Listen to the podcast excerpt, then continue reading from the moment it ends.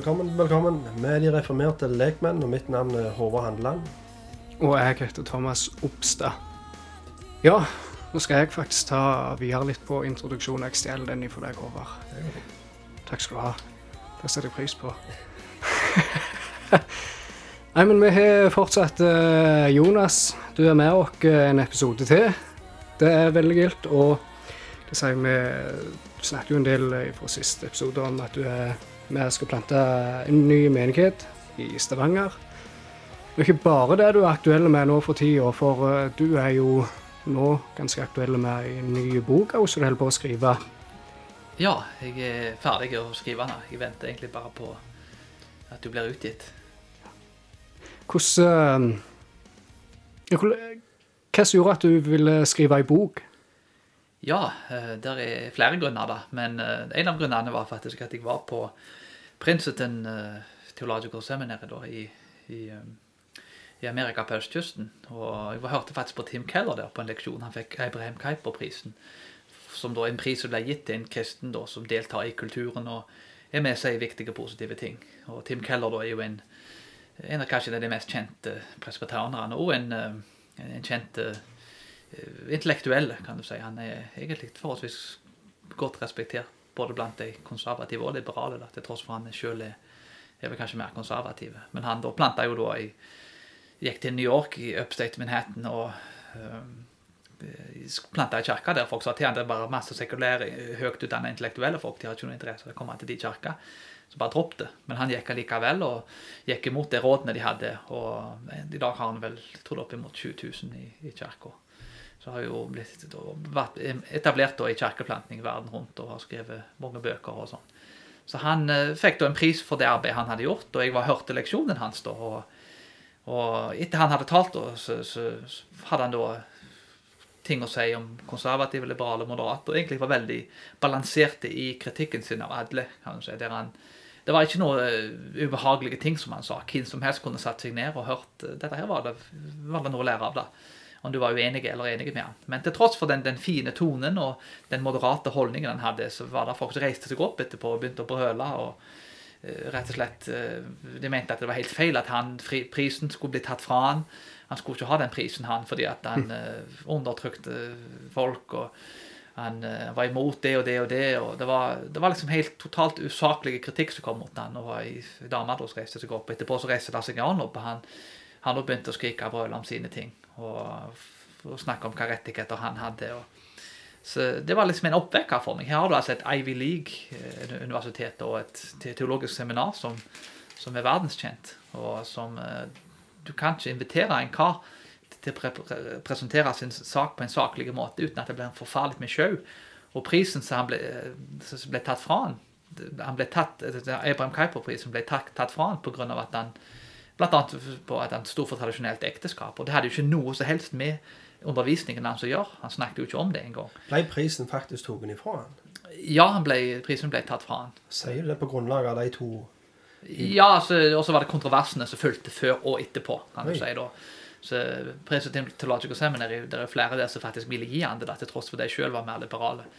Men uh, han ble faktisk fratatt den prisen da. da og det, det, var på en måte en oppvekker for meg. da jeg tenkte at noe har gått galt. Ja. At folk på en måte ikke kan komme sammen og diskutere til og med ting som de er uenige med. Og dette liksom, eh, skal jo være de, de intellektuelle, liksom de best utdanna. Hvis ikke de kan snakke saklig sammen, så liksom, hva håp er det for resten av oss? Og, så det var en oppvekker for meg. da, og Jeg bodde jo midt i en universitetsby i Philadelphia i, i, i nesten tre år der jeg studerte. Og der traff jeg masse unge studenter som da de har blant annet, de har noen av de beste universitetene vel egentlig i verden. Og du får treffe veldig mye forskjellige sorter folk. Jeg leide ut rom, faktisk. Jeg jobba for ei kirke der jeg leide ut rom til internasjonale studenter.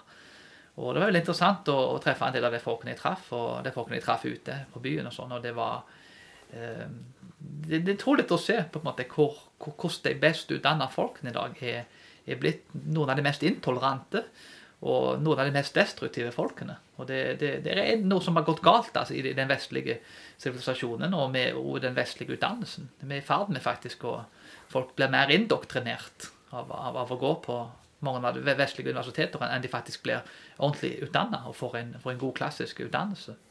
Så det var ting som var med vekte meg opp, og jeg eh, underviste da eh, som et resultat av dette her, så fikk jeg muligheten av å på Tent Presbyterian Church, som var kirka da jeg gikk i når jeg bodde i Philadelphia, undervise hvordan Bibelen hadde påvirka sivilisasjonen. Og, hvordan, hva som hadde skjedd, hva kristendommen hadde mista Vesten, eller mista innflytelse i sivilisasjonen. Så da ble det at jeg gjorde en del research da, så mens jeg studerte, så underviste dette. Så vil jeg på en måte være med og påpeke noen av de tingene som jeg har observert da, midt i denne universitetsbyen. For det som skjer på universitetene, det, det blir der ikke. Og det, det, går ut i hele kulturen. Og Amerika har jo en kolossal påvirkning på, på, Europa. Du ser mange av disse ideene, da, identitetspolitikk og den typen ting. Det blir ganske utbredt i Norge òg, som et resultat av, av Amerika, da, som har påvirka oss, og en del andre ting. Så, så utviklingen vil jeg si er ganske katastrofale, hvis du tenker på Eh, spesielt det med ytringsfrihet og det å være sivilisert i samtaler. Eh, du har menneskeverd. Og, og, rett og slett det med forståelsen av, av rettigheter og plikter og, og, den typen ting. Og Hvis vi mister en del av disse grunnleggende tingene, f.eks. bare ytringsfrihet og menneskeverd, så mener jeg at vi, vi ligger ganske dårlig an i framtida. Mm. Det er to ting som er, som er totalt sentrale egentlig for, for et sivilisert og velutvikla samfunn. Og jeg eh, argumenterer i boka for at vi er i ferd med å miste disse tingene. da. Det, Hva er tittelen på boka? Bibelsk visdom i dårskapens tid. Vestens fall, og hvordan Bibelens visdom og livssyn kan gjenopprette vår sivilisasjon. Det var en lang tittel. Ja. ja. den andre ble jo en undertittel. ja, ja. men uh, dere har jo utgitt den på et eget forlag, da. Ja. Reformforlag. Uh, ja, blir det et, uh, er det på en måte et overordna tema for denne boka, og så er det videre inndelt i forskjellige kapittel med forskjellige undertitler. Ja, jeg har delt den opp i tre. da. Altså, målet med boka er rett og slett å vise at den vestlige sivilisasjonen er i ferd med å bli ødelagt. Den står for fall. Det var jo da når jeg eh, var på den lederskapskonferansen i 2011, når historikeren Glenn Sunshine sa at Europa faller, faller i grus, og at vi var verdt for prestene. Og igjen, altså, jeg trodde, jeg trodde ikke på han når han sa det, men den dag i dag så må jeg si at jeg, jeg er faktisk blitt overbevist om at han var ikke pessimistisk nok. Uh, jeg, den første delen er rett og slett at vi har avvist Gud. Det står jo i Bibelen at, uh, at begynnelsen til visdom er frukt av Gud. Altså Vi frykter ikke Gud lenger, vi har ikke visdom.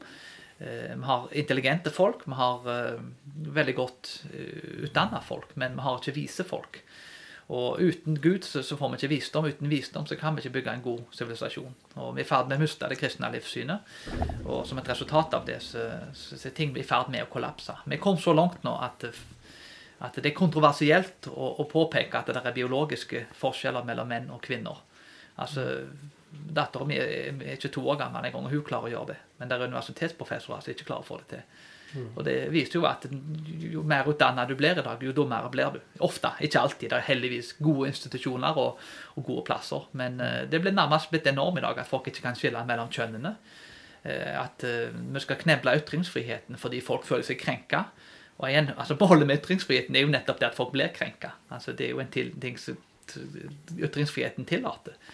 Så hvis du begynner å fjerne disse tingene her og få et samfunn der du har ikke lov til å si noe ting, og når du i tillegg har menneskeverdet som er i ferd med å bli undergravd, så, så, så, vil jeg si at det ligger du ganske dårlig an. Når du sier menneskeverdet i ferd med å bli undergravd, hva legger du i det? Ja, altså, jeg, jeg argumenterer jo da i boka. Altså, Boka er jo delt i tre deler. Sivilisasjonens fall, Vestens fall. Altså, jeg må analysere problemet. Andre delen er rett og slett hvordan har Bibelen påvirka sivilisasjonen? Hvordan Bibelen har gitt oss menneskeverd, troen på uh, sannhet og vis uh, fornuft. Uh, og så har du forherliggjørelse av livet foran døden, veldedighet og omsorg, seksualitet, utdannelse, toleranse, skam, sjølkritikk og vitenskap, teknologi, økonomi. Så jeg går igjennom altså, hvordan har Bibelen gitt oss alle disse tingene. altså Hvordan har Bibelens livssyn og visdom gitt oss alle disse tingene. Og den tredje delen da, den går jo inn på mm, mer kontroversielle spørsmål. altså Når Gud gjør oss liten, blir staten mektig, eller statsmakten mektig. Hva er egentlig norske verdier? Eh, menneskenaturen er ikke god på, på bonden. Objektiv moral og, og, og, og mening rettigheter og plikter og, og identiteter som bygger et godt samfunn. Og du har kjærlighet uten sannhet er ødeleggende. Og så har du metoo, falske beskyldninger bør straffes. Og den typen ting. Så jeg tar altså opp da, da, samfunnsspørsmål som er kontroversielle, for å prøve å vise hvordan Bibelens visdom kan gi svar på disse spørsmålene. Altså Vesten står for fall. Bibelen har gitt oss sivilisasjonen, og han kan gjenopprette den hvis vi er villige da, til å la det bibelske livssyn og visdommen være med å gjennomsyre samfunnet, og være med å reparere de skadene som skjedde som et resultat av syndefallet. Så Det er jo noen av de tingene som jeg prøver å gjøre i boka. Og det med menneskeverd er jo den sentrale ting i alt dette her. Jeg mener jo at menneskeverdet er i ferd med å forsvinne. Og det er mange eksempler som vi kunne brukt på det. Men uh, Peter Singer, da, som er filosofiprofessor på Princeton University Princeton University er jo et Ivy League-universitet. Det er jo liksom regnet som et av verdens beste universiteter. Er det det Ivy League betyr? Uh, det er liksom at det er Jeg, jeg er ikke sikker på om det er fem eller sju. Det er liksom de toppranka universitetene i Amerika. Det er liksom de studentene med best karakterer. liksom de mest ettertrakta. Kommer du inn der, liksom, så er du en, av de uh, intellektuelle, kan si, en, av elitene. Så det er jo liksom, folk jobber jo iherdig da for å, for å komme inn der. Det, er ikke noe tilsvarende i Europa, kanskje Cambridge og Oxford og, og den typen ting. Så blir på en måte det tilsvarende her. Um, så, så, det er jo Der borte så tenker de kanskje litt annerledes rundt utdannelse. Men han Peter Singer er jo filosofiprofessor på dette universitetet, og han er blant annet, altså, opplært i logikk og filosofi. Så du regner at det er jo egentlig ganske person som er lært, han er opplært i å tenke konsekvent. Og dette er jo en person som er veldig kjent for aktivisme og, og dyrevern. Og han er også kjent for kontroversielle påstander da, om at uh, du kan avlive en unge en måned etter han er født. Altså ikke en måned før han er født, men en måned etter han er født. Så barn kan altså avlives lenge etter de er født. Og han mener at har, han var på UiO, da, i Universitetet i Oslo. Han ble invitert til Norge. Det var noen som protesterte litt, men, men der ble han jo mottatt vel nærmest som ei rockestjerne. Så norske intellektuelle da på UiO, som er jo regna vel som et av, de, et av de bedre norske universitetene, behandla denne mannen nærmest som, som en rockestjerne. Til tross da for han, han sier veldig tydelig og konkret i, i, både i leksjonen sin at det å ha et kjæledyr er som å være en slaveeier. Og det er greit å avlive mennesker. Altså Dyr og mennesker har lik verdi. Det er vel egentlig hovedbudskapet hans. Han sier faktisk i en av bøkene sine at uh, pga. At, at vi ikke lenger tror på det jødisk-kristne livssynet at mennesket er verdifullt og skapt i Guds bilde, så kan vi lenger ikke tro på menneskeverdet, at mennesket er ulikt fra dyrene. Han sier vi har ikke noe konsekvent og, og, og, og, gode grunner til å tro på dette lenger, så vi må avvise det. Og dermed da, er, er dyr egentlig blitt like verdifullt som et menneske. Og dette er en mann altså, som er jeg tenker at den fyren her bor liksom i skauen røyker hasj og sånt, men dette er en fyr som, har veldig stor påvirkning på kulturen. Han, er, han blir omfavna blant kulturelitene og på altså, det mest kjente universitetene i verden. Altså, og igjen, han, han, er opplært i logikk og filosofi. Mm. Så, så, det kan være godt, godt å bli minnet på igjen. at det, det, Han er jo en dødsapostel, egentlig. Men, han høres jo ut som en veldig konsekvent uh, ateist. Ja, absolutt. Ja, Hvis vi bare er et resultat av uh, random uh, hendelser og stjernestøv i bevegelse og materie og alt som foregår i hodet vårt, er bare reaksjoner og kjemiske reaksjoner, så, så, burde det ikke være noen forskjell på en hund eller en menneske. og Det virker ut som at han lever ut det verdensbildet. Absolutt. Og det er jo nettopp derfor den bakgrunnen i filosofi at jeg ville legge vekt på det, at den er viktig. Og det som er interessant, er at det er mange andre artister som uh, faktisk påpeker det samme. Du har uh, det boken 'Stradogs' av uh, professor John Gray. Han var vel på School of London, London School of London Economics. Det var jo en, av de mer kjente tenkerne innenfor europeisk idéhistorie. En kjente professor.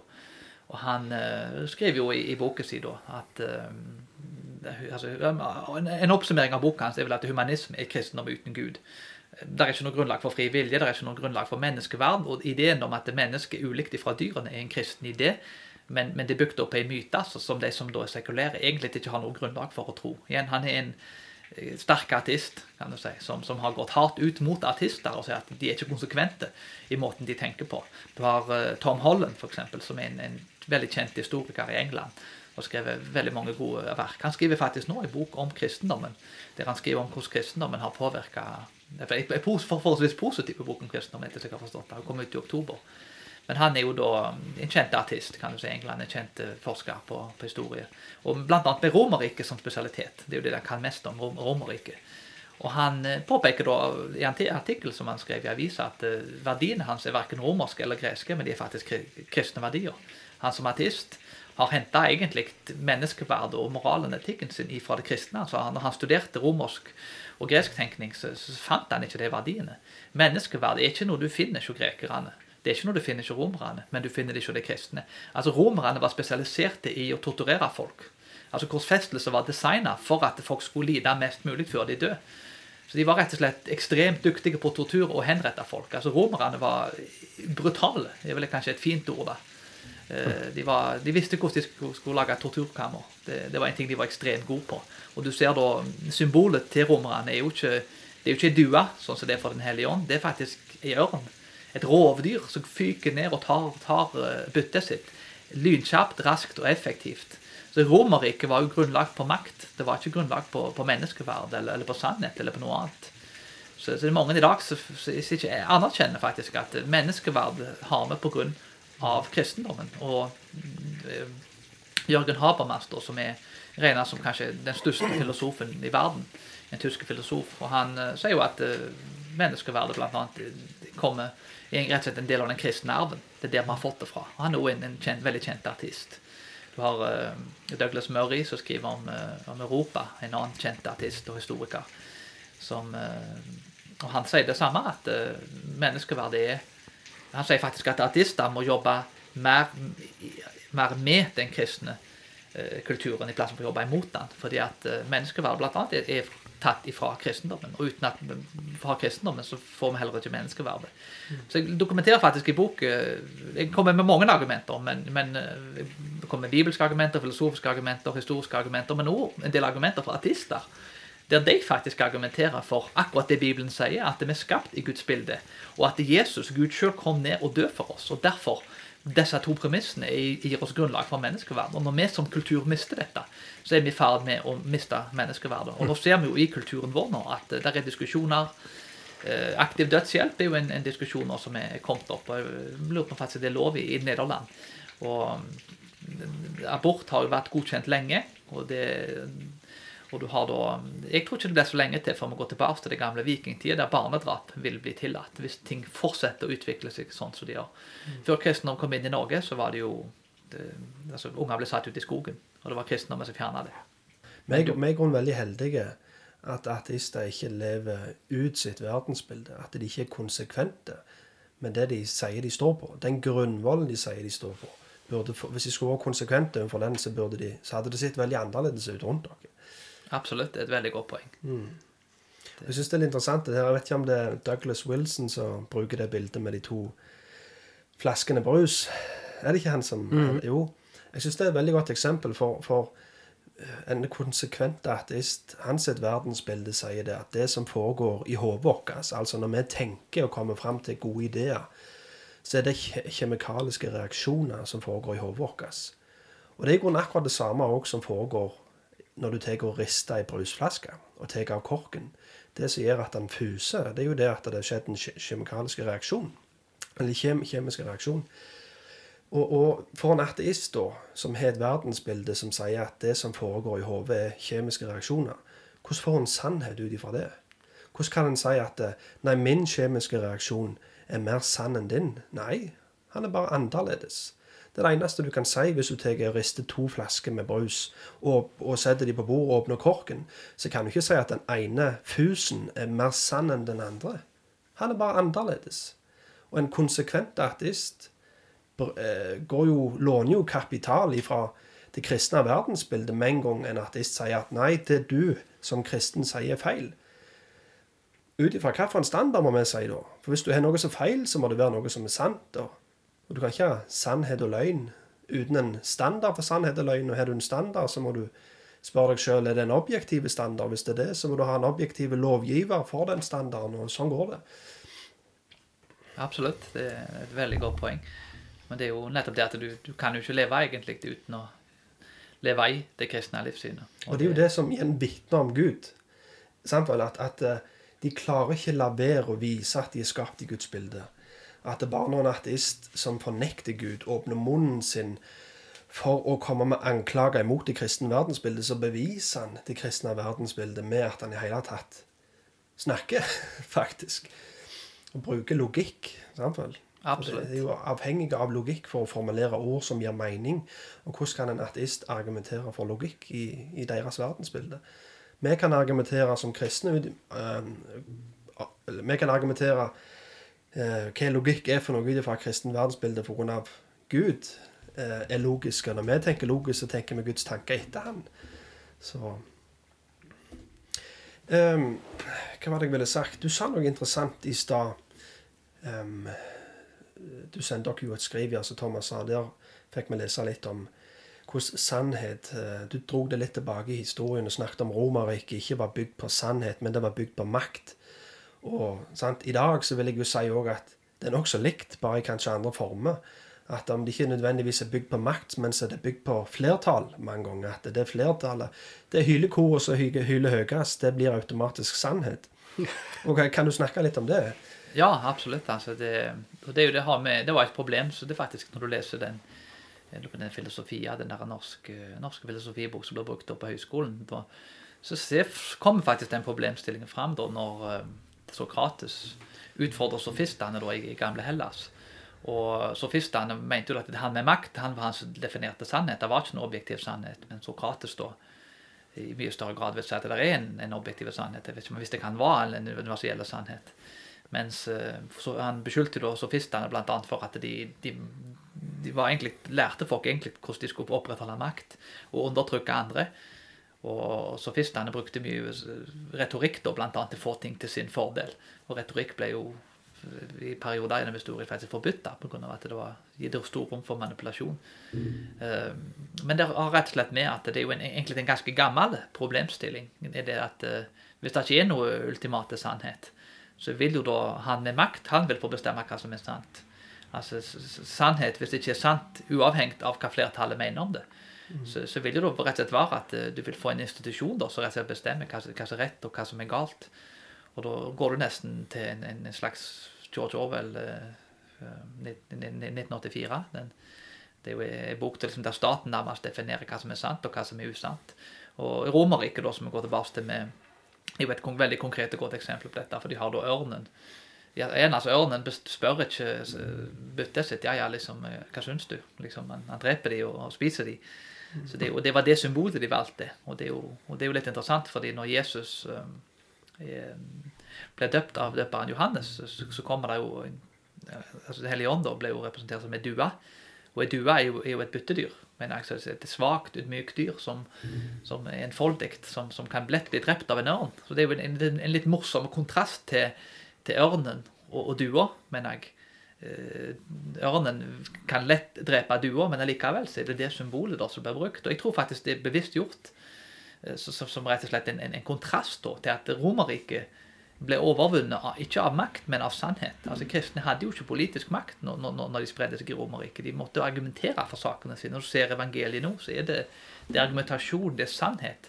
Jesus står foran Pontius Pilatus. Hva er sannhet? Pontius Pilatus trodde jo ikke på sannhet, han trodde på makt. Han undertrykte de som var uenige med han. og Det var bl.a. døperen Johannes Orsel som ble drept. Eh, og ble halshogd fordi at han utfordra autoriteten. Så, så, så det Romerriket hadde var rett og slett bygd på kolonisering og undertrykkelse av den som de mente da var svakere enn seg sjøl. Og hvis du mister den bibelske sannheten, så får du veldig lett et samfunn så den sterke undertrykker den svake. For det er jo det som egentlig er naturlig, ut ifra naturretten, gjerne. Og det er plenty av samfunn rundt omkring i verden som, som altså ikke er så velfungerende som vårt. Det er den sterke som utnytter makta si. og de fleste landene er, svært korrupte, og er faktisk veldig gode eksempler nettopp på det at uh, når Bibelen får, og bibelske livssyn ikke får en påvirkning, så, så, er det ikke sannhet som dominerer. Det er faktisk at den sterke undertrykker den svake. Og flertallet òg blir jo den sterke.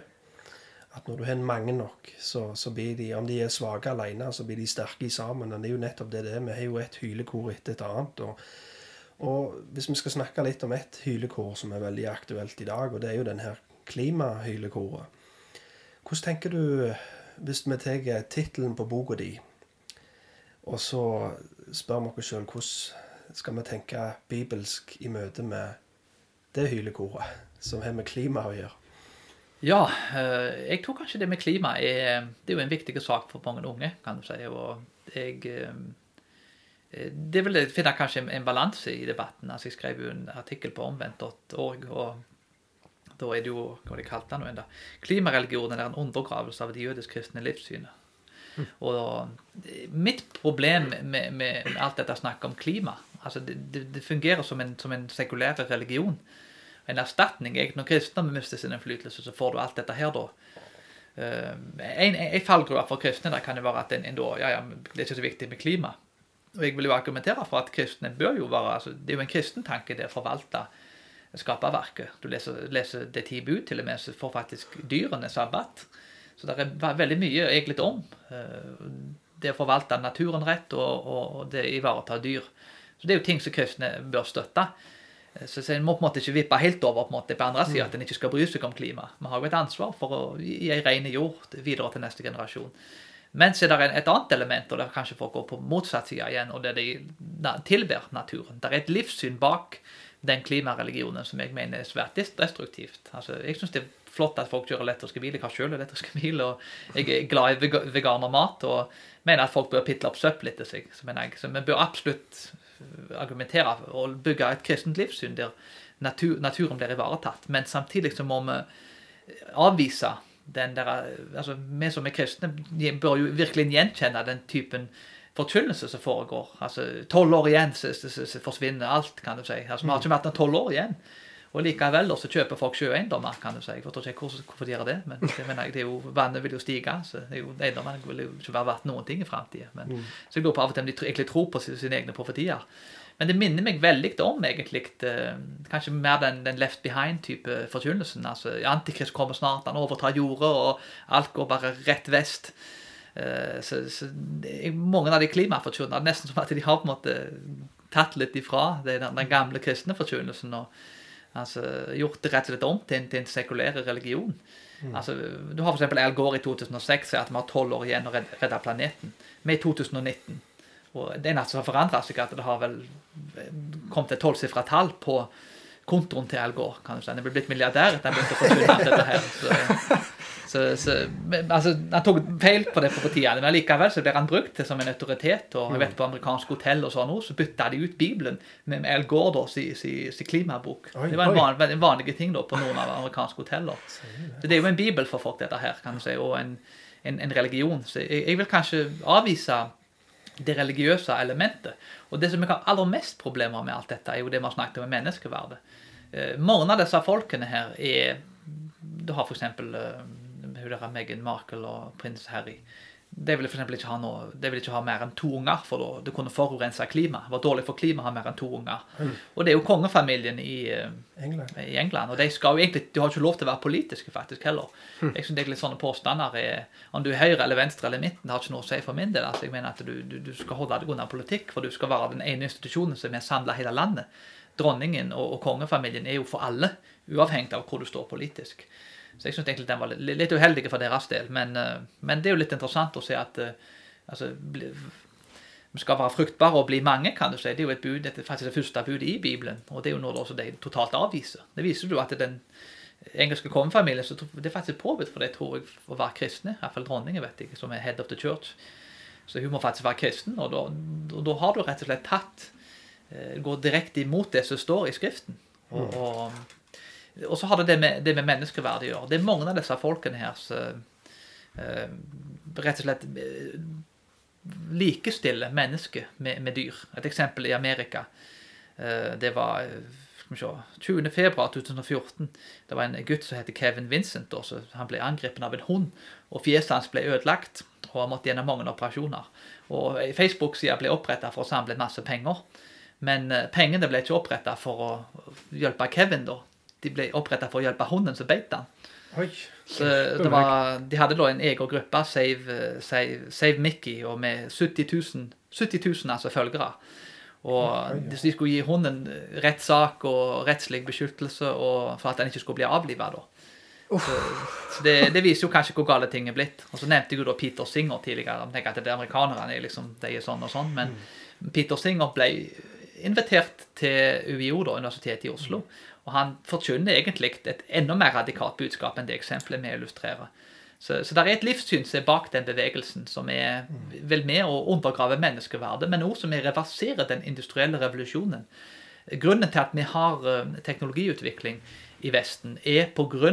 at vi har hatt den kristne forvaltnertanken, at mennesket er over naturen. Og for eksempel Professor Lund Veitås jr. han eh, er jo en, en av de mest kjente teknologihistorikerne, iallfall tidligere. Og han er jo en som påpekte bl.a. at uh, grunnen til at vi fikk utvikla teknologi, var nettopp og egentlig den industrielle revolusjonen nå var den kristne tanken om at mennesker da er over naturen. Og Det er jo ikke et argument da for å misbruke naturen, det er jo et argument for å bruke naturen rett. Og, og du har da uh, mange eksempler egentlig de kunne brukt på, på å illustrere det, men, uh, men du har f.eks. Uh, en, en inder som jeg leser, som heter Vishal Galvadi. Han er en av mine favorittforfattere. Han eh, var jo i India, en reformator, en kristen reformator i India. Så fant han da, var liksom hjelp ei stamme da, i, i, India, ute, ute, ute i jungelen. Eller ute i skogen en plass. Og, og, så var det ei elv da, med et svært tempel i elva. Og så hadde de problemer med, med flom i, i, i, landsbyen sin. Og så spurte han hvorfor bygger dere ikke bare høyere opp, og hvorfor eh, gjør dere ikke bygger på en måte som gjør at dere ikke får flom inn i husene deres. og den typen ting. Nei, men det var, altså, dette var folk som hadde bygd et fantastisk flott tempel midt i elva. Og det var jo liksom, wow, Hvis de kan bygge det, så må de vel kunne bygge bedre hus. For de er jo dyktige arbeidsfolk, og de kan bygge skikkelig. Mens uh, det som var svaret, da, var rett og slett at det bodde da en gud i den elva. Og pga. at det bodde da en gud i den elva, så, så, kunne ikke de røre elva. Og så måtte på en måte bare elva gå sin gang, da, så fikk de bare få de flommene. For de ville på en måte ikke forstyrre guden. Og når guder da bor i naturen, naturen blir helliggjort på den måten, så kan på en måte ikke mennesket gjøre noe med dette her. Altså, hvorfor, eh, altså, du, hvorfor forske på et tre, eller prøve å forstå hvordan elv et tre fungerer, hvis, du, hvis det er guder som bor i det, og guder som angriper deg hvis, hvis, hvis de bor i det. Og Den typen tenkning har vært kolossalt utbredt gjennom historien, og deler av verden er det faktisk mye mer utbredt enn dag i dag. Og Grunnen til at uh, vi kom forbi den typen tenkning, er jo pga. det kristne livssynet Også. Vi desekraliserer naturen og sier at naturen er faktisk sekulær. Det er ikke guder som bor i trærne, og fiskene, hundene og, gulrøtter og kattene. Det er faktisk uh, totalt sekulært. Gud er utenfor naturen. Og han skapte oss til å være over naturen og forvalte den rett. Og det var den typen tenkning som da skapte den industrielle revolusjonen. Og igjen, altså, det er, er, er, er Aldous Huxley, da, som en, kom fra den kjente Huxley-artistfamilien, han var jo skjulte på kristendommen. Det var kristendommen sin, igjen en veldig kjent artist, eh, skyldte på kristendommen at kristendommen da var årsaken til at vi hadde fått den industrielle revolusjonen, blant annet. Så, så vi det faktisk artister òg som er faktisk skylder det på kristendommen. Og En kan selvsagt argumentere at det har blitt forurensning og vært negative resultater som et resultat av det. Men jeg vil faktisk si det at uh, det kristne livssynet vil alltid være med ivareta naturen, men de vil ikke tilbinde til naturen. Så jeg vil si at det har vært vel egentlig mer det sekulære livssynet som har drevet på med utnytting av naturen. Så, så man må være balansert oppi alt dette her. Men, men, for å dra dette her da, fram til Norge i dag, så har det vært en, en, eh, en artikkel i Aftenposten at vi måtte legge ned oljeindustrien. Eh, legge den helt ned, mener jeg, og det er jo ikke bra for for som bor her i Stavanger. Kanskje jeg som skal flytte her hos, så da, da vet ikke hvor mange jobber det blir igjen. Dere er vel ikke i olje, forresten. jeg tenker meg om dere. Men, men, sånn halvveis. Ja, det, så det vil jo påvirke dere konkret. Vi sprøyter olje under bilene med. Så. Ja, ja, dere bruker olje dere òg, så det er jo noe som vil, vil påvirke oss alle. Mm. Og det vil påvirke resten av landet òg, for det er jo Stavanger som betaler mesteparten av regningene. Og det, liksom, og det, viser jo hvordan mange unge folk tenker rundt dette her. Mm. Og det, det kommer som et resultat av et livssyn som da vil egentlig likestille mennesker med natur og dyr. Mm. Og, og, så det, det, det, er egentlig en, en, en, veldig uheldig utvikling. Plassen da for å utvikle grønnere alternativer og kanskje finne bedre måter på å gjøre, og renere måter å, drive målutvinning på, så er det liksom at du skal legge alt ned. Og tenke på hvis disse folkene her, dette er den neste generasjonen som skal overta. så til slutt så går det vel faktisk ikke an å bruke ressursene våre til, til noen ting. Mm. Så, så det, det, klimareligionen undergraver da menneskeverdet. Bør vi som kristne være bekymra for at mennesket skal ødelegge jorda? Uh, det er jo delte diskusjoner om det òg. Uh, eh, jeg mener jo det at uh, egentlig så har vi gjort veldig mye på veldig korte tid, syns jeg. Altså, det er et argument. Hvis du vil få renere klima, så må du øke levestandarden til de fattige. For hvis folk leter etter mat, så, så, så bryr de seg ikke om og hva, hva du skal gjøre med klima. Altså Klima er jo noe du, du, har tid til å tenke over hvis du har mat, hvis du har hus, hvis du har alle de andre tingene. Mm. Så du må rett og slett løfte levestandarden for de fattige. Og når de på en måte er, er, kommer seg litt mer mot middelklassen, da vil de få liksom tid nok fritid rett og slett til å reflektere rundt hva du kan gjøre med klima. Men en fattig kar som ikke har nok til å leve, han uh, kunne ikke brydd seg mindre om hva han forsøple. Han, han trenger mat for å klare seg. Så, så, jeg tror faktisk at det, virker som et fornuftig argument, iallfall. Men mm. uh, jeg, jeg, tror at uh, hvis folk får litt tid på seg, så vil alternativene i framtida bli grønnere. Mm. Men jeg mener at det må skje Folk må være tålmodige. Altså, det, det må være lønnsomt da, å utvikle den, den typen industrier. Og det er ikke gjort liksom bare på tolv år. Det, det, hadde vært fantastisk om vi kunne vært alle grønne, men, uh, men sånn er ikke virkeligheten. da. Så det er vel kanskje basert på en utopi og en, en fantasi. Så vi må prøve kanskje å forholde oss litt til virkeligheten, hvordan den egentlig er. Vi beholder jo oljeindustrien, og en gang i fremtiden så finner vi kanskje et bedre alternativ som kan være mer erstattende, som er bedre da, for miljøet. Hmm. Ja, altså må en ikke glemme heller at uh, jorda er lagt under forgjengelighet, tenker jeg. Som vi leser om i Roman 1, og at, at det på en måte er, det er et syndefall. Og, og, eh, det skal bli en ny himmel og en ny jord. men det er jo ikke for å argumentere for at vi skal ikke bry oss om eller ta avveielser ja amen til. Til det du sa om at vi, vi bør ha, ta vare på de kristne verdiene òg som sier at vi skal være gode forvaltere av det vi blir gitt. Men det blir jo en form for avgudsdyrkelse. Og meg og kona var på kino med, med hun lille jenta vår som så um, 'Løvenes konge'. og Da var jo en lang eh, reklame i forkant eh, handla om eh, forsøpling og sånn og sånn. Og konkluderte med da på slutten la oss ta, tilvare, la oss ta vare på vår moder jord. Så det er jo, det er jo forkynnelse, ja. Det er jo det. det er jo ikke, verden er ikke nøytral, for å si det sånn. De, Jesus sier enten er du for meg eller er du mot meg. og jeg tror det er på tide vi som kristne òg slutter å leke nøytrale, men heller være veldig aktive for, for vår Herre og for Hans ord. Det står på det. Jeg så du var bledde tidligere i Roman 1, Thomas. Jeg tenkte i grunnen på akkurat det samme. Ja. det er jo veldig Roman 1, dette her. At når mennesker blir overlatt til et udugelig sinn, når de blir overlatt til seg sjøl, så ender de opp med å tilbe skapelsen istedenfor skaperen. Og de Ja, og det som på en måte burde eh, Det naturlige samlivet blir bytta ut med noe unaturlig. Og det som før var en skam, det som var mørke, det blir applaudert. og og Det er jo det vi ser. Og å forstå alvoret i at faktisk Bibelen sier at sånn ser det ut når mennesket blir overgitt til seg sjøl. Da ser det sånn ut. Så hvis vi lurer på tilstanden i dette landet, om jeg føle at lommeboka er tjukk og vi har det godt, så syns jeg at ut ifra Romerne 1 så er dette her landet her, som folket, nordmenn, er overlatt til seg sjøl. Overlatt til Guds dom pga. Sånn, sånn som vi ser fokus og hylekoret i dag. Så er det jo om å gjøre å prøve å å være et lys inn i dette mørket. Og, og som, som um, Jesus sa til Peter, at helvetes porter skal ikke få seire over, over um, menigheten. Og, og ha ei tro på det. Og fortsette med å plante gode menigheter, som vi snakket om i tidligere episoder. Absolutt. Jeg tror det er en, en nøkkelting å gjøre da, for mm. skal forhindre utviklingen. Og, og bare si en ting om om uh, altså velstand og den typen ting, så er det jo litt interessant å observere òg at uh, både Bibelen og, og sekulære kjente idéhistorikere er faktisk vil påpeke akkurat det samme. I Bibelen så har du teologisk forfall. Når teologien blir, blir avvist, når det er avgudsdyrkelse erstatter tilbedelse av den Bibelens Gud, så får du et moralsk forfall. Altså med andre ord, Når du slutter å elske Gud, så slutter du å elske naboen som deg sjøl. Og da faller Israel. Israel blir dømt. Eh, Israel faller i 2022 av Asyria, og de blir sendt inn i Babylon i 586. da. I Juda eller Sør-Israel. Eh, så, så, der har du rett og slett altså, teologisk, moralsk og nasjonalt forfall, kan du si, som mm. følger den rekkefølgen. Og det likte er det faktisk med, med sånn Bertrand Russell, som var en kjent kristendomskritiker og en artist. Mm. Så har du Will Durant, som var agnostiker. Og det var jo to veldig Will Durant og var jo en av de mest verdens Hvert hundre år så kommer det opp en historiker som oppsummerer sivilisasjonens historie. Du vier et helt liv til historiestudier. Han er en av de største historikerne som har levd. Og han skriver jo at det finnes ikke ett samfunn gjennom historien som har opprettholdt seg sjøl uten religion.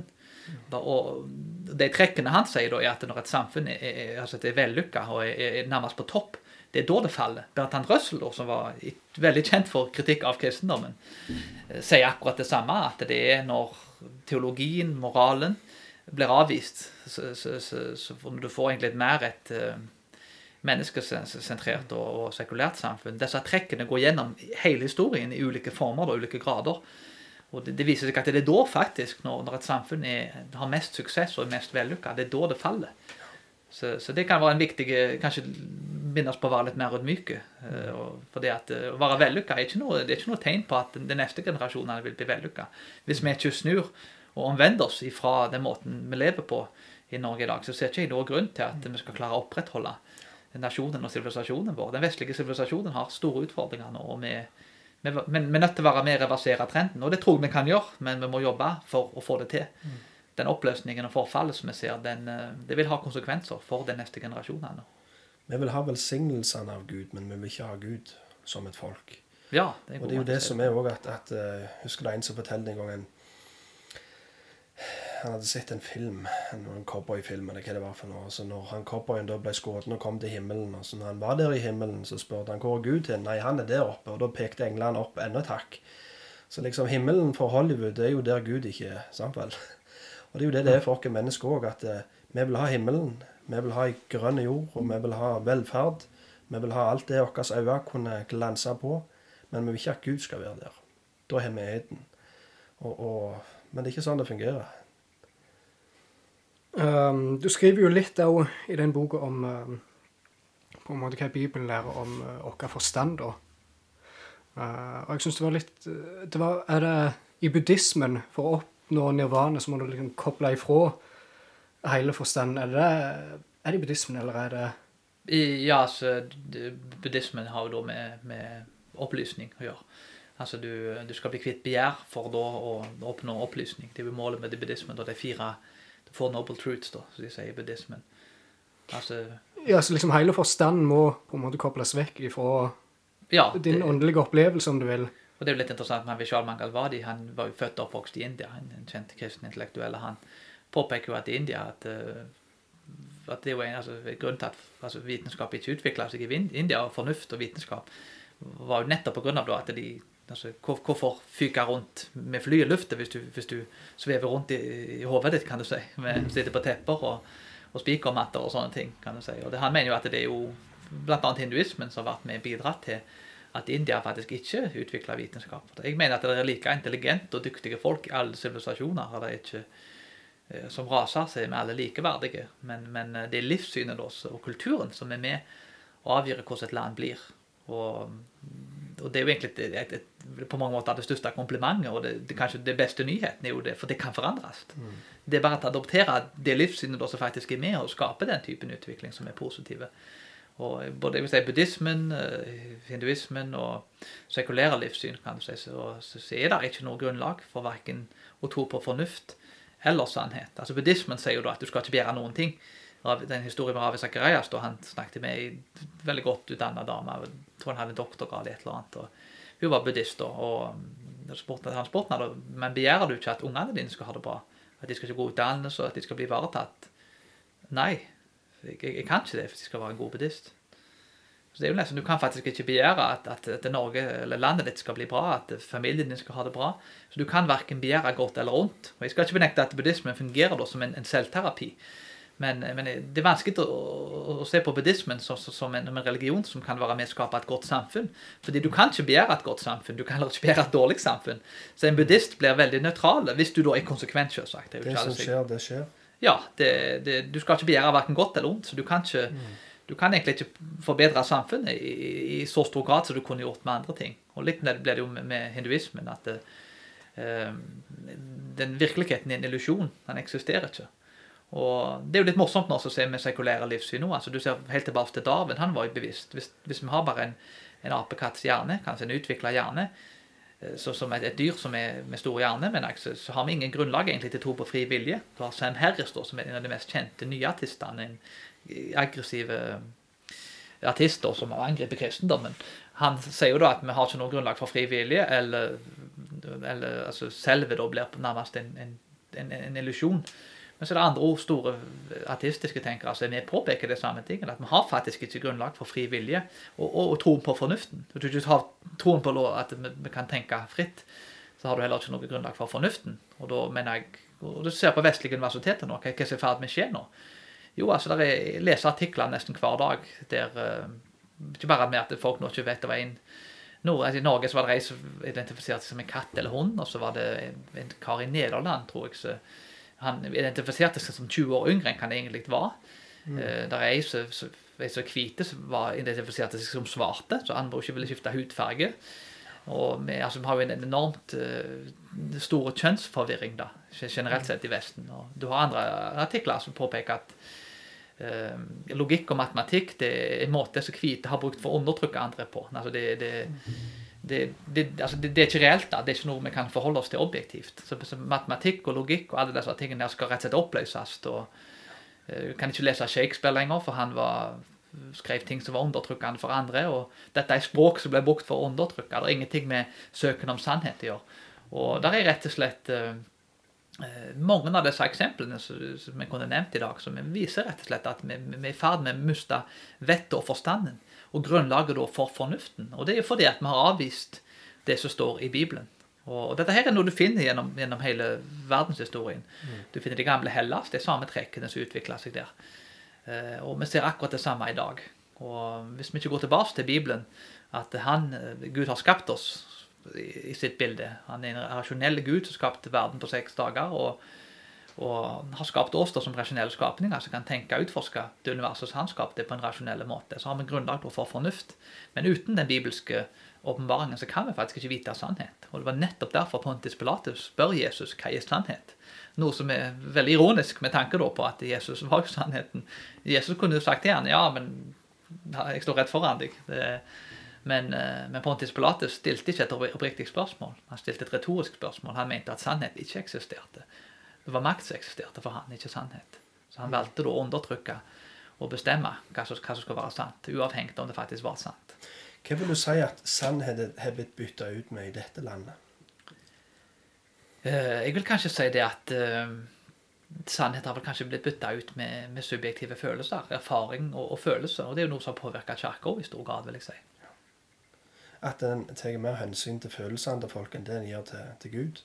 En vil være så søkervennlig at en at en glemmer at det er bare én som søker, og det er Gud. Og vi burde være vennlige til Han.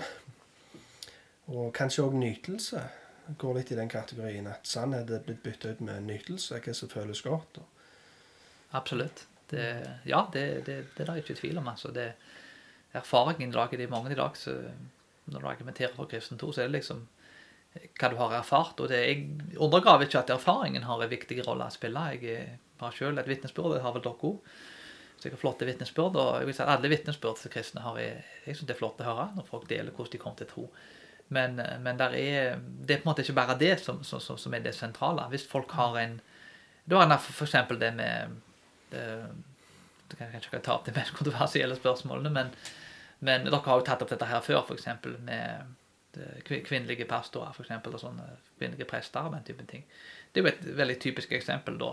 Altså, Før folk kan diskutere den saken, så burde de folk blitt enige om at uh, vi leser Bibelen og ser hva som står der. Men mm. som regel så er den diskusjonen om jo, men jeg, jeg har et kall, og jeg, jeg, følte på meg at uh, mm. Gud har bekreftet altså, Det kan godt være at, at, det er sant at Gud har bekreftet ting, jeg skal ikke benekte det. Men hvis ting da er i strid med det som står i Bibelen, mm. så, så, har det egentlig ikke så mye å si hva Gud har sagt til folk. For da mener Gud sier jo ikke to forskjellige ting. Én ting i Bibelen én ting til meg personlig. Så da, da, kan du ha misoppfatta ting. Du kan oppriktig ha misoppfatta ting. Og det, jeg mener at Vi må først og fremst, før vi diskuterer ting, så må vi Likt er det vel kanskje med den homofilidebatten òg, at det jo, men at du, du, føler på meg, og at, at, jeg har det og det og det. Ok, men altså, La oss sitte der og snakke om dette, men, men la oss, det er Bibelen som er den endelige autoriteten. Ikke hva jeg føler. Hvis man har erfaringen, da, Liberalteologien setter jo egentlig erfaringen til mennesker som den endelige autoriteten. Og det mm. gjør i stor grad at uh, du, du, kan egentlig ende opp med nesten hva som helst. Du kan komme til hva konklusjoner du vil komme til. Du kan lese ting inn i Bibelen som ikke er der. Alvoret i det er jo at de ikke har Jesus som herre. Og det hører en jo ut ifra hvilken autoritet de appellerer til. Hvis de sjøl, deres egne subjektive følelser og erfaringer, trumfer Guds åpenbaring i Skrifta, så får ikke lenger Kristus regjere i deres liv med sitt ord. Og da er jo spørsmålet ja, da er ikke Jesus lenger din herre. Og, og det er det jeg syns mange ganger skummelt. Folk som kaller seg, kaller seg kristne, men så snart en kommer opp i kontroversielle spørsmål, så forlater en fort Bibelen som autoritet og appellerer til sine egne erfaringer. Og jeg tror igjen, som jeg og Thomas også har prøvd å fokusere litt på i, i denne podkasten, med viktigheten med faktisk å ha Jesus som Herre. At det kan for mange virke ut som ja, ja, en grunnleggende sannhet, og det går vi fort forbi. Men det er faktisk det, er det, det vil si å være en kristen. Det ordet som er brukt oftest om kristne i Nytestamentet, er ordet dolos, sant vel, trell. At vi er Kristi tjenere, Kristi slaver, om du vil. Og ordet herre i seg sjøl er meningsløst med mindre en ikke har tjenere. Ordet herre var en tittel til en som hadde tjenere, hadde slaver. Og Bibelen sier vi er hans slaver. Vi er dyrt kjøpt. Vi er kjøpt med hans blod. Og da òg skylder vi å følge hans røst, følge hans, hans, ord. Og det er jo det vi som kristne burde merke oss. Og, og det, det, som gjør oss til kristne, at vi faktisk vi er de som følger Herrens ord. Bokens folk, som de blir kalt i, i islam. Og det, det, var det vi burde være. Vi burde være bokens folk. Men det er vi i ferd med å dette vekk ifra i dag. Ja, absolutt. Og det, tenker på Når Jesus ord ble utfordret av djevelen i ødemarket, så, så siterer han ikke Aristoteles eller, eller Platon eller, eller, eller, kirkefedrene, kan du mm. si. Så, så, eller de jødiske kirkefedrene, da, skulle si, synagogefedrene. Mm. Det, det, var vel ikke synagoge heller da, men tempelfedrene blir det vel mm. faktisk. Men, men, han siterer faktisk Skriften. Det står skrevet. Og hvis Jesus siterer Skriften, da, så har vi ikke noen grunn til å tro at, at vi kan komme med noen bedre argumenter. Stemmer det. Nei, det har vært veldig gildt å ha deg med, Jonas. Jeg, eh, jeg, jeg, var noen spørsmål som jeg tenkte var viktige for meg. Og det er jo boka di for de som er interessert i å faktisk bestille denne boka, eller lese denne boka. Hvor finner de denne hen? Og når kommer den ut? Ja, uh, hun skulle egentlig vært utgitt. Jeg jobber litt med omslaget fortsatt. Men uh, jeg regner med nå i løpet av september, så jeg tror jeg at hun vil være ute. Du kan søke på eh, kristen tro og tanke, og så Jonas Stava på Google, og så finner du da bloggen min. Så ligger der da en, en, eh, en seksjon der som står 'Mine bøker, Reform forlag'. Mm. Så kan du finne den der og bestille den direkte fra meg, kan du si. Det, eller så kan du søke rett på bloggen, da. kristenapologetikk.blogspot.com. Så kan du finne det under 'Mine bøker, Reform forlag'. Så mm. finner du faktisk boka der, da. Så kan jeg sende den til deg. Uh, ja, så så får vi se etter hvert kanskje om jeg gjør meg tilgjengelig andre plasser òg. Men jeg begynner iallfall med det, og så ser jeg hvordan det går, da. Så, mm. så. Ja.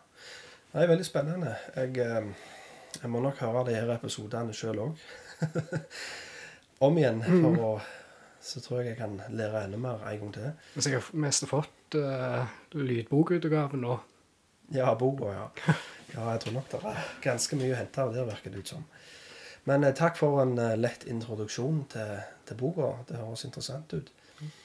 Eh, og litt informasjon om menigheten deres. Hvor Har dere funnet lokale folk som har lyst til å komme på et besøk? Hvor går de? Ja, du kan Vi har vel se, Den websida for selve misjonsplanten, eller kirkeplanten, er jo da wegoinfaith.org. Skal faktisk bare dobbeltsjekke at jeg fikk det helt rett. Vi går i tro.org på norsk. Nei, men se, det skal, jo da, det, det skal stemme, det. Uh, og så kan du uh, Skal vi se bare, Finne den andre òg her, den, den websiden. Det er ikke jeg som har lagd uh, Du kan søke på fpcnorway.org. Da finner du websida til selve menigheten. Den vil bli mer og mer utvikla etter hvert. Eller du kan gå på Facebook, og så kan du finne First Presbyterian Church of Norway. Mm. Og vi har jo da ei bibelgruppe en gang i måneden. Vi skal vel faktisk ha en nå denne onsdagen. Onsdag, ja. Så da er dere hjertelig velkommen, da. Hvem som vil. Mm. Si, og da treffes vi hjemme hos noen. og det har vi gjort frem til nå. Vi håper jo da å begynne med, med møter nå, forhåpentligvis da Enten i slutten av september eller en eller annen gang i oktober. Så da håper vi at alt går i orden, og at vi kan begynne nå. Vi har sett på lokalet, og um, vi tror kanskje vi har funnet en plass. Altså, hvis ja. vi er heldige. Spennende. Apropos oktober, ser vi deg på konferansen? Eh, ja, det, ja. Det, gjør det. Gjør. Der kan nok folk eh, treffe på Jonas. hvis de, Det var litt sånn der en uh, gulrot til å komme på konferanse. Så må du hilse på han. Gjensidig for meg. Det har vært utrolig kjekt å være på den forrige konferansen. Og for, Mm. tror for dere, så jeg traff jo Ja, det var jo der vi ble kjent. Ja, det var der Mm. vi ble kjent. Og ja, jeg, jeg traff vel sikkert deg òg, tror jeg. Ja, det gjorde det.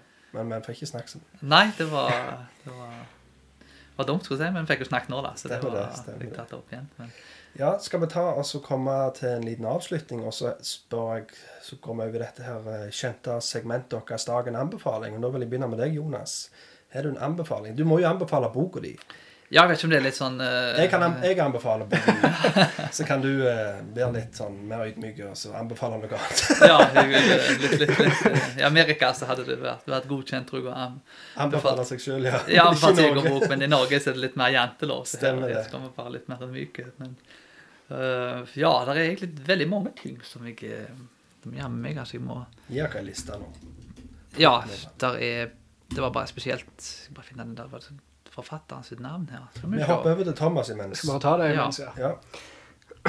Ja, for uh, jeg har lyst til å anbefale en liten YouTube-serie av en, uh, en uh, lærer som heter John Gersner, der han går gjennom Westminster Confession of Faith. Um, jeg som selv, han er en utrolig god lærer, og da, den Westminster Confession of Faith, det er jo da trosbekjennelsen til eh, den presbyterianske kirka. Så det kan jeg anbefale som et eh, eh, som en god ting og, uh, hvis du er interessert i å prøve å forstå litt mer hva presbyterianisme går ut på, da. Så John Gersner og Westminster. Bare søk på det på, på YouTube, så finner du mye godt stoff. Yes. Ja, og kan jo, som sagt, for de som vil ha baptist, baptistversjonen av den, da, som er nesten helt identiske, så kan de jo gå til samme versjon, da. Hva er det? Baptist Confession of Faith? Er Ja, Second London. London eh, Baptist. Ja. Lon- London Baptist, ja, den er jo 1689, er det det? ja. Så den er jo omtrent det samme materialet, bare en mer baptistisk versjon, så den er jo Eller gå inn på Kilden sine hjemmesider og lese litt igjennom den. Ja, det, ja, det er jo, jo nesten en bok der òg, skulle du si. Det, og det er jo en ting som er veldig bra med bekjennelser og den typen ting. At en, Ja, hvorfor har vi bekjennelser?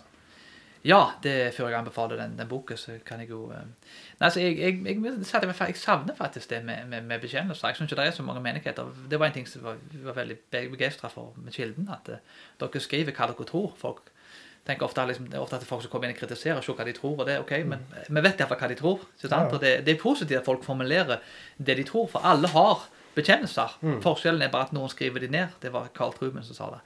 Og han skrev en bok om dette. Og bekjennelser er jo noe som Kirka har brukt helt siden begynnelsen. Og det er et stort fokus på doktriner og viktigheten av sunne lære. Så, så vi har bekjennelser rett og slett for å si, beskytte oss sjøl mot vranglære. At gnostikere og, og andre typer folk rett og slett som vil ødelegge menigheter, skal komme inn og så, og så, og så ødelegge ting. Så du, du, du, du står tydelig hva, hva kirka mener om ting. Og det, det er noe som folk som jeg treffer hos, så- så de savner det. Skulle ønske at de kunne visst her står det menigheten. Og, og, og nå vet de hva de har å forholde seg til. Og det hjelper også eldstene å, å ha Det er viktig med, med, med Westminster Standards og baptistbetjenelsen at de, de, de, de, de, har tre typer spørsmål. Primære, sekundære og tredjerangsspørsmål. De primære er Jesus Gud, eh, si, opp, oppstand fra de døde. Altså, ting da, altså, hvis du ikke tror på det, det første kategorien, så er du ikke kristen. da. Hvis du ikke tror Skriften er den endelige autoriteten, så er du ikke protestant.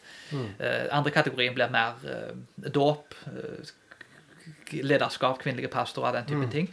Det jo er på en måte viktige ting, men det er jo ikke sentrale ting. Så har du tredje kategori, da, endetidsteologi. Så, så det som er med de bekjennelsene, da, de gamle bekjennelsene, Westminster Standards og baptistbekjennelsen, er at de, de tar ikke opp altså endetidsteologien. Du må nødt til å være ei- eimil eller primil, eller alle disse tingene. altså, altså Når da Jesus kommer igjen for andre gang. Synet du har på det, og kanskje var det millionervis av i år eller, eller seks dager, sånn type ting, er jo ikke Du kan være uenig i det og likevel bygge en menighet i lag. Så de bekjennelsene tar da opp primære og sekundære spørsmål. De, tar, altså de, de henger seg ikke opp i, i hva endetidsteologi du har. Og det er ikke at det, det er jo viktig, det òg, men bekjennelsene fokuserer på de andre tingene. da, fordi at det er det mer som kan, kanskje er sentralt og er nødvendig for eldstene da, å være enige i akkurat de tingene hvis de skal kunne undervise altså uten å forvirre folk. Ja. Så bekjennelser er er etter min mening veldig viktig. og Beklageligvis ikke brukt så ofte som det bør bli brukt. men Da må jeg jo bare reklamere litt apropos bekjennelser, katekisme og sånn. Nå skal faktisk kona mi gå i gang med å lage en liten barnekatekisme. Ja. på norsk. Og det tror jeg vi trenger. Ja, det har jeg tenkt på lenge sjøl òg. At det Ja. burde vi hatt, burde vi hatt det. det er veldig det. flott at du gjør det. Ja. Så dere kan jo kopiere den og bare bytte ut at dere døper ungene litt tidligere enn det vi gjør. Ja, jo, men eh, det, det, vil jeg gjerne ha. Håper dere publiserer den. Ja, ja. Publiserer den i Ja, legger den ut. Og printe versjoner av den. Og, ja.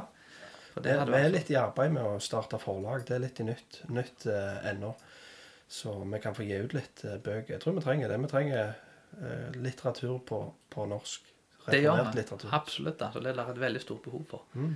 Og det, vi håper jo at eh, Ja, flott at de Jeg har tenkt mye på det med eh, katekisme for unger. At det, det skulle ha vært, liksom. Så det var jo Mm. veldig kjekt å høre at hun tar seg tid til å gjøre det. Ja, kjempe. Det, det er veldig bra. Altså. Stolt mann. Ja, det, nei, det, det er veldig positivt. Mm. Det, Men nå til anbefalinga di. Ja, eh, det var en bok som jeg leste nylig, som var Og spesielt hvis du følger den pris, pri, pri, pri, Apologetics, så vil jeg anbefale den boka. da. Det heter The Making of an Atheist, av en forfatter da, som heter James S. Spiegel. Uh, How Immorality Leads to Unbelief. Mm. Så det, det var egentlig det bok som uh, Jeg visste jo på en måte om de tingene før, men likevel så var det en tanke der som virkelig var viktige. da. Ja. Altså rett og slett hvordan Så han argumenterer jo da for at en ateisme Altså rotårsaken til ateisme er ikke intellektuelle argumenter, men eh, det er rett og slett at det er umoral. Altså ikke dette, Nå er det sånn at det, det, det er kristne som er fæle, det er ateister som er gode og moralske mennesker. Det er ingen som påstår noe annet. Poenget her er, er vel mer det at eh, Spørsmålet er om en vil da leve med henhold til, til, til, til Gud, lover og, og regler. Og at det faktisk er, er, er det, den mest grunnleggende årsaken til at folk avviser Gud. Det er ikke det at bevisene ikke er der. Så det er ikke et intellektuelt problem, det er først og fremst et, et åndelig og et moralsk problem. Og det, det kan være en viktig ting for apologeter å ha i minne. Og, og de argumentene han kommer med i den boken, der, de, de, de er veldig gode. da, og er en bok som kan, er korte bok og en veldig reflekterte bok, som jeg vil anbefale. Ja, veldig bra. Da sier jeg tusen takk, Jonas, for at du hadde lyst til å være med oss i dag. Så må du ha Guds velsignelse videre i arbeidet. Og så plutselig så har vi deg på igjen en gang. Det har vi i hvert fall veldig lyst til. Så mm. takk for nå, i hvert fall. Jo, tusen takk. Veldig kjekt å være her. Tusen takk. og dere. Med det så tror jeg vi sier på gjenhør. På gjenhør.